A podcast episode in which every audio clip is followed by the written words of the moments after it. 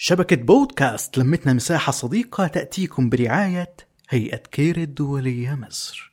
إشراف عام رشاد ديب. مساء الخير ويا رب تكونوا بخير. إلي زمان ما طليت عليكم أنا صفاء محمد. رجعنا من جديد بعيد عن سكر زيادة وبعيد عن الحلويات وبعيد عن الأوردرات. وبعيد عن كل الشغل. خليني أرجع لورا شوي. خليني أسحب صورة من ألبوم صوري. كل واحد فينا عنده ألبوم صور بيجمع كل ذكرياته.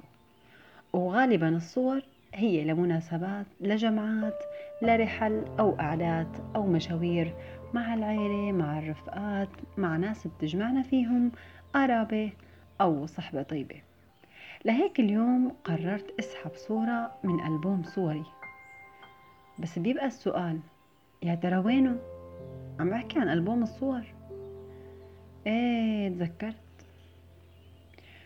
وقت طلعت من سوريا وأنا وعم ضبضب أغراضي تركت ألبوم صوري. لفيته بشالة تقيلة اجتني هدية وارتسمت ابتسامة خافتة على وشي بوقتها. طبطبت على حالي وقلت إن شاء الله كم شهر ومنرجع وهي كانت أكبر كذبة بكذبها على حالي. ضبيت الشنطة لحتى سافر أنا وعيلتي على المجهول. وأنا وعم رتب بيومها كل قطعة تقيلة كانت تمر بإيدي أو بتعز علي. كنت ما أرضى طالعها كنت خبيها وأقول لا لا هي ما رح طالعها إن شاء الله الرجعة قريبة. دخلت على مطبخي ونظفته. قلت بكرة برجع بلاقي نظيف حاولت شيل كل قطع الكريستال والأرجوبال الثقيلة ونظفها وخبيها بمكان ما تاكلها الغبرة. دخلت على الصالون وحطيت الشراشف على طقم الكنبايات. كمان لما تاكلوا الغبرة. دخلت على غرفة ولادي لقيت قصصهم وهداياهم ووراءهم وذكرياتهم. جمعتها كلها بمكان واحد وقلت لحتى يكونوا قراب علي بكرة لما أرجع.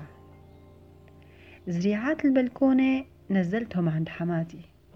قلت لها ماما اسقيلي إياهم بغيابي إن شاء الله ما رح نطول ورح نرجع. بس يلي صار إنه الشهر صاروا اثنين والسنة للأسف صارت أربعة. لهلأ ولبكرة ولو مر سنين من وقت ما صار هالحكي ما عم نقدر نقتنع إنه نحن ما رح نرجع. بس إذا إجينا للحقيقة منلاقي إنه يلي بيروح ما بيرجع. ما بيرجع مثله أقل شي. مثله مثل اللي بينكسر ما بيتصلح. لقينا حالنا ماشيين بطريق جديد وولادنا صاروا بعالم تاني غير العالم يلي عشنا فيه. ونحن مضطرين نمشي وراهم بنفس الطريق. ما بظن اللحظات الحلوة رح ترجع. ما في شي بيرجع إلا الذكريات. هي الوحيدة يلي كل فترة إلا ما ترجع.